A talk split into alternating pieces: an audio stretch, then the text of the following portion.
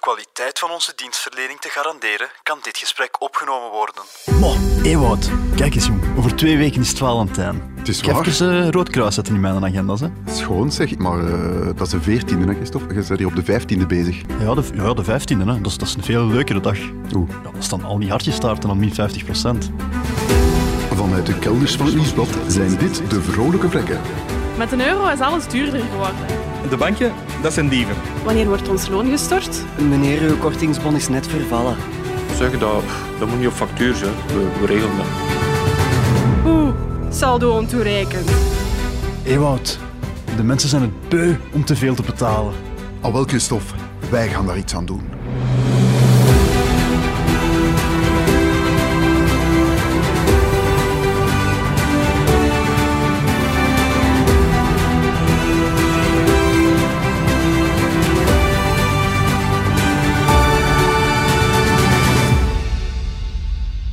We gaan het vandaag over een verschrikkelijk boeiend thema hebben: koppels en hun geld. Oeh. Er bestaan honderd manieren om samen met geld om te gaan. Elk koppel kiest natuurlijk eh, wat voor zichzelf het beste is. Maar het is wel boeiend, hè, Christophe? Boeiend, boeiend, boeiend, inderdaad. Maar delicaat. Hè. Praten met je partner over geld, dat zijn toch niet altijd de meest aangename gesprekken. Hè. Nee, nee, nee, dat klopt. Het is wel heel belangrijk dat je dat gesprek af en toe voert. Als elke uitgave een discussie wordt, of er kunnen bij elke rekening spanningen ontstaan, plezant is dat niet, hè? Nee, nee, nee. Maar je zei het net zelf, er zijn honderd manieren om samen je financiën te beheren. En we hebben maar 20 minuten gekregen, want je kent Bert, die moet ze weer naar de lijst. Typisch. Zeven uur sluitingstijd, jongens. Zeven uur, hè. Ja, ja, ja. Christophe, je zei ineens heel hard aan het grijnzen. Wat is er aan de hand? Ja, ik kan er niet aan doen. Ik ga veel grijnzen deze aflevering, denk Hoe ik. Ja, gewoon. Oh, Jij zit toch ook in een relatie, hè? Ja, ja, dat wel, dat wel. Maar, maar ik heb een, ik heb een latrelatie. Ah, ja, ja, dus ja, ja. eigenlijk ik ben financieel single. Ja, ja. Bij mij staat lat zo voor los, af, het is van mij. Je bent samen met je hond, of? Nee, nee, nee. nee. Nee, oké. Maar een latrelatie... Dus jullie hebben dan aparte potjes, jullie hebben niks samen. Eh, nee, dat klopt. Nee, echt niks. En stel nu dat je samen boodschappen gaat doen, of dat je op restaurant gaat. Hoe is dat dan? Ja, boodschappen doen. Ja, wij- wij doen soms boodschappen samen, maar ja, wij wonen apart, dus wij hebben elk een huis. Dus ja, dan pakken wij gewoon elk een kar. Allee. Eh, je bent zo'n ja, irritant ja. koppel dat tijdens corona elk met hun eigen kar. Ja, ja, het is dat. ja, ja. En dan de auto in, afzetten in de diepvriezer, hè, bij degene thuis, en dan ja, naar het andere huis waar we blijven slapen, maakt niet uit. Ja, bon. Dus ik kan het over normale koppels, normale mensen die niet in Is een dat latrelatie... normaal? Nee, nee, nee, nee. Zeg. Dus wanneer begint zich die vraag te stellen? Dat is wanneer je gaat samenwonen. Hè.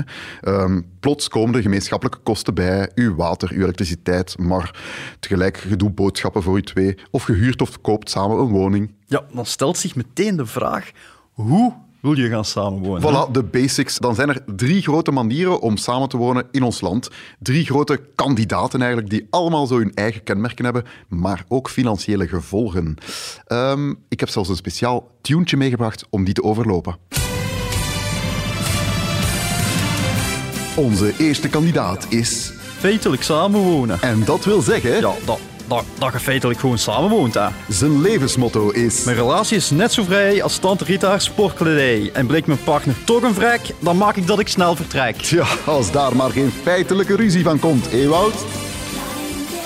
Feitelijk samenwonen, eh, dat is de simpelste vorm, Christophe. Je gaat gewoon samenwonen, zonder formaliteiten, zonder poespas. Je hokt samen in een huis, dan ben je een feitelijk gezin. Klinkt supergezellig, daar blijft het dan bij? Daar blijft het wel. Je hebt geen verplichtingen, je krijgt daar ook geen rechten door. Hè, maar dit is gewoon de simpelste vorm. Ja, en je kan op elk moment, altijd heel handig, zonder formaliteiten weer uit elkaar gaan. Dat klopt. Feitelijk samenwonen is ook niet iets dat je bij de gemeente moet gaan aangeven of zo. Hè. Dat, dat gebeurt gewoon als je gaat samenwonen. Oké, oké, ik ben mee. Poep, simpel.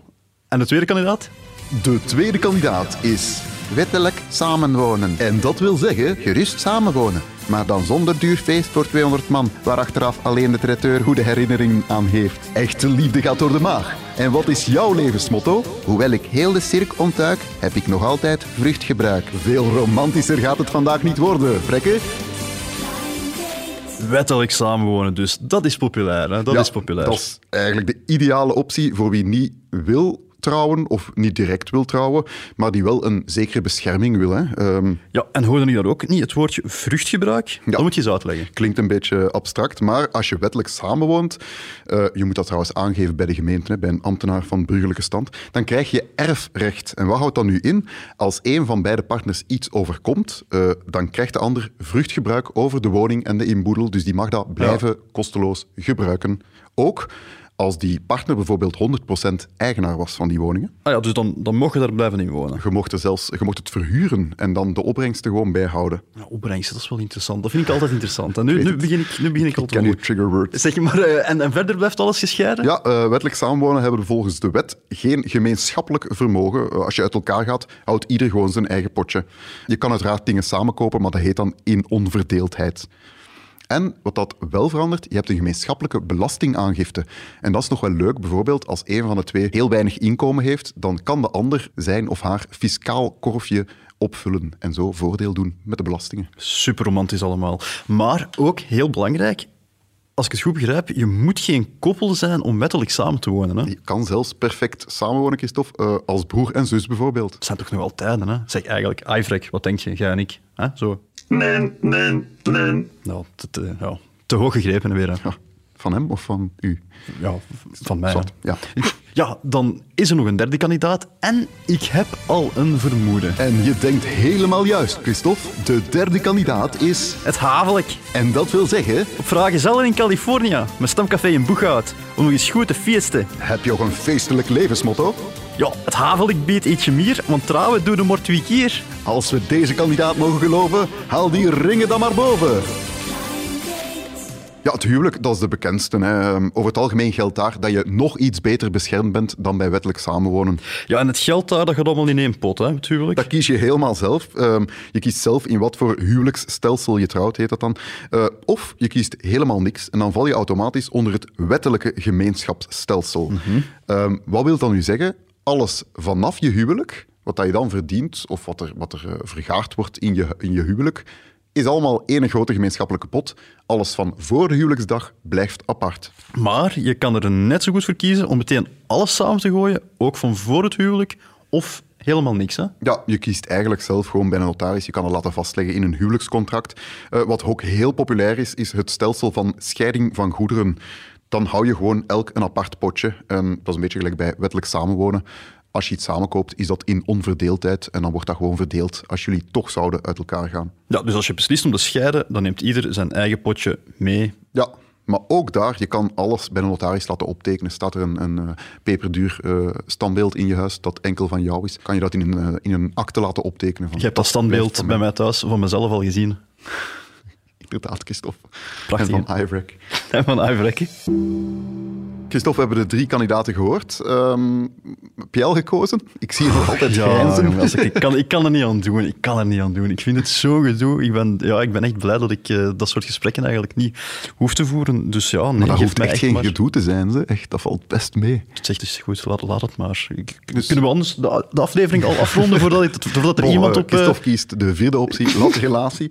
Eh, Bert, ben jij eigenlijk getrouwd? Eh 17 jaar samen, maar ik moet het nog eens vragen eigenlijk. Ah, misschien is dit Oh. wel de gelegenheid. Maar Je hebt, Via de podcast. ja, je hebt een eigen microfoon gekocht. Kom, Ja? laat je Eh, gaan. Ja, eh, ja, ik weet wel niet of ze luistert. Dat gaan we meteen weten dan. Oké, binnen drie maanden of zo. En dan, nee. Ja. Pijnlijk. Ja, we gaan geen eh, gênante momenten. We laten dat dan even zo aan de aanzoek. Misschien kan jij wel even kiezen uit deze drie enveloppen en dan weten we waar eh, onze kandidaten naartoe gaan. Hè. Oeh ja, spannend. Eh, de rode dan maar. Rode, eh, doe maar open hoor. Ik ga naar de keukentafel.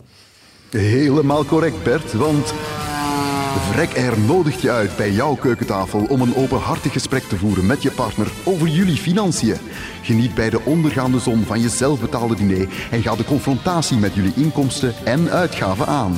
Je keert na afloop helemaal relaxed terug, omdat je eindelijk weet hoe je dat eten gaat verrekenen of omdat je voortaan weer single bent. Dank je wel, vrolijke vrekken. Ja, en zoals we het al zeiden, zoveel mogelijkheden. Eh, het is bijna niet mogelijk om er één concrete handleiding voor te schrijven. Dus we zijn te raden gegaan bij collega's en bij jullie luisteraars. Hè. We hebben tientallen tips eh, binnengekregen. Honderdtallen. Honderdtallen. Ja, duizendtallen. juist. Duizendtallen. hoofdredactie luistert mee, klopt. Duizenden tips binnengekregen. En daaruit hebben we een paar leuke eh, tips opgelijst voor jullie. De eerste is super simpel. De makkelijkste en meest luie manier. Smijt alles in ene pot en betaal daar alles van. Klinkt logisch. Logisch, maar niet zo leuk voor jou, denk ik. Ja, voilà, maar, ja. maar het klinkt wel logisch, hè? toch? Luisteraar Joris die zegt bijvoorbeeld: Ons loon wordt gestort op de gemeenschappelijke rekening en daar wordt alles mee betaald.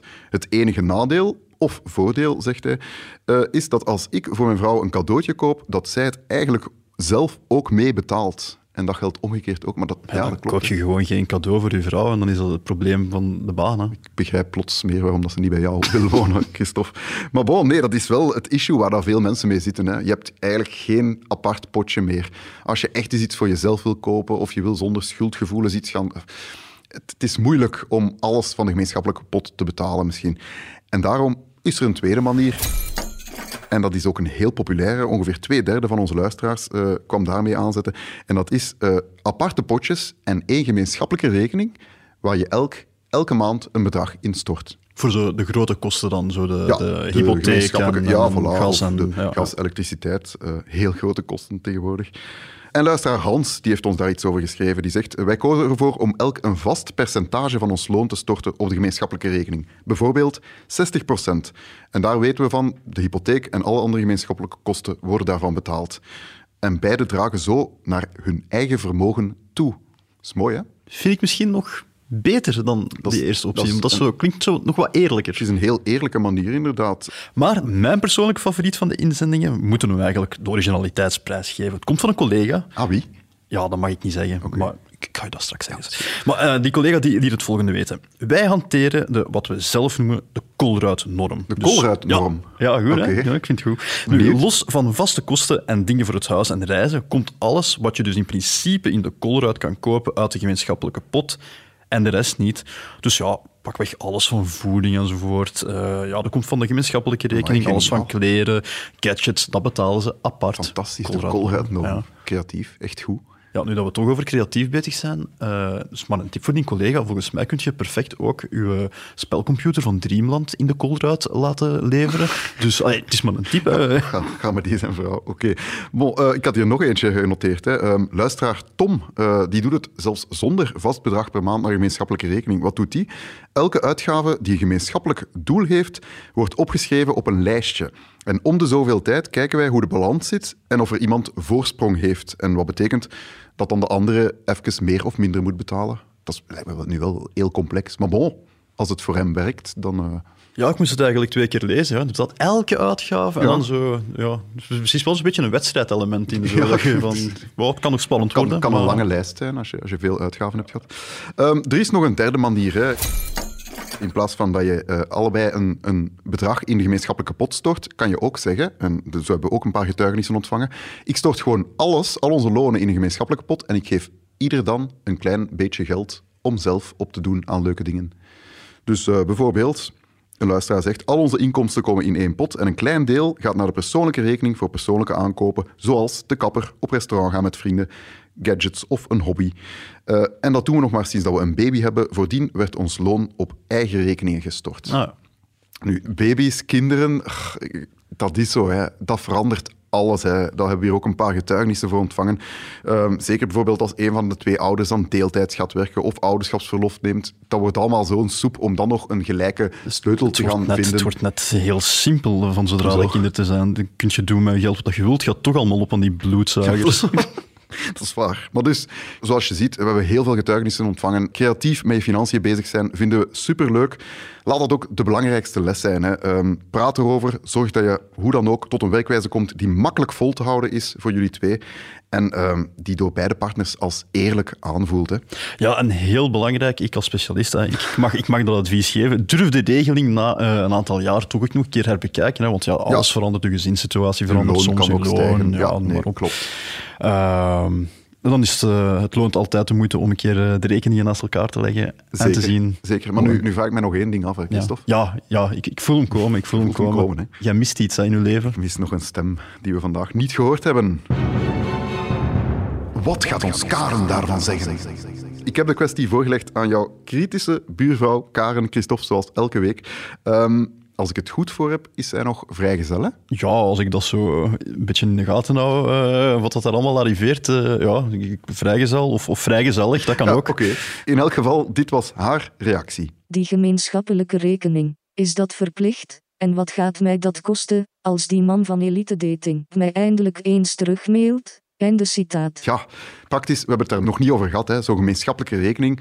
Ehm, dat is eigenlijk hetzelfde als zelf gewoon een rekening openen. Het enige verschil is dat er twee rekeninghouders zijn. Meestal met een wederzijdse volmacht, zo heet dat dan, waardoor dat beide partners gewoon alle verrichtingen kunnen uitvoeren zonder dat er telkens een toestemming nodig is van de ander. En dat is gratis?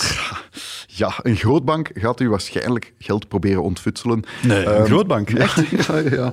Maar probeer bij die grootbank ook wel eens te gaan kijken. Is er een gratis alternatief? En je kan altijd overstappen naar een gratis bank. Kijk het zeker even na. Ja, en verplicht is het voor alle duidelijkheid niet. Hè. Helemaal niet. Je mag altijd twee aparte rekeningen houden. Maar het kan wel superhandig zijn. Wij doen het ook. Onze vaste kosten, water, elektriciteit, dat gaat dan allemaal via domiciliëring van de gemeenschappelijke rekening. Je moet daar niet naar kijken. Onze streamingdiensten, Netflix, eh, Spotify, dat kan ook gewoon automatisch. Je moet dat niet allemaal via een splitwise of aparte budgetjes zitten eh, natellen achteraf. Ja, en ook als je pakweg een reis gepland hebt, pleur gewoon een beetje extra op die rekening. Voilà, en je kan met een gerust hart gaan magneetvissen in de Trevi-fontein. Dat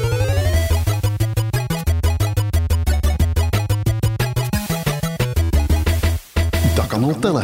We gaan deze week tellen met een eh, super sexy product, Christophe. Het heet zuigelingenvoeding.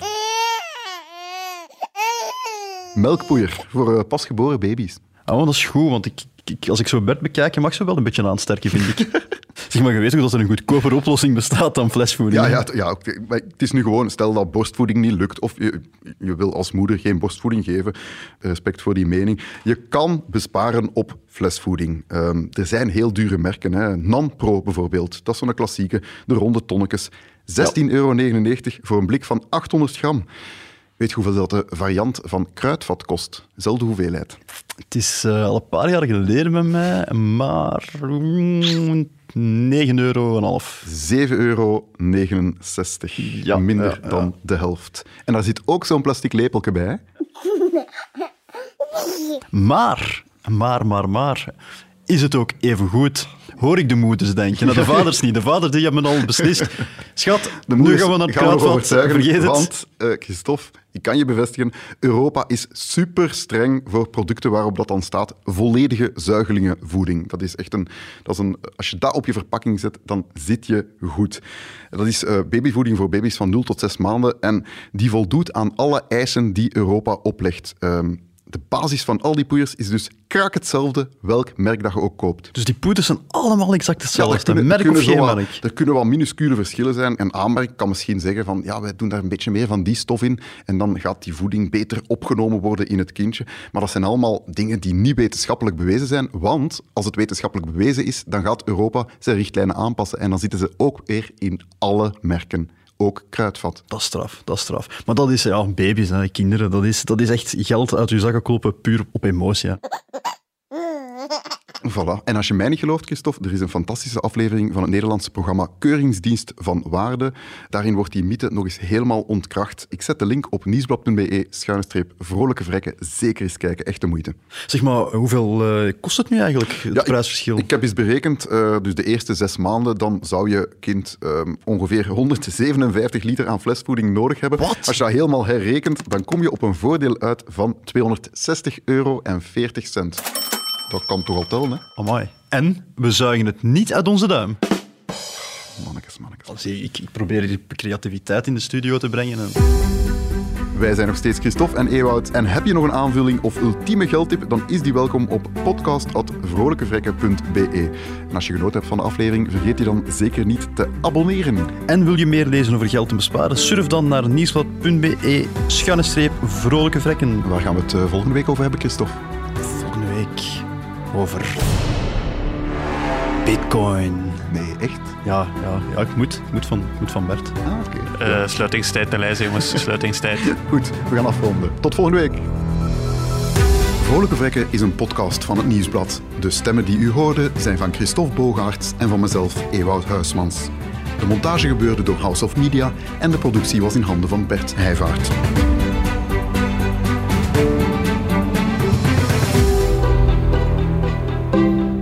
Vrekken zijn professionele onnozelaars. Gesprekken in deze podcast vormen geen juridisch of financieel advies. En al zeker geen relationeel.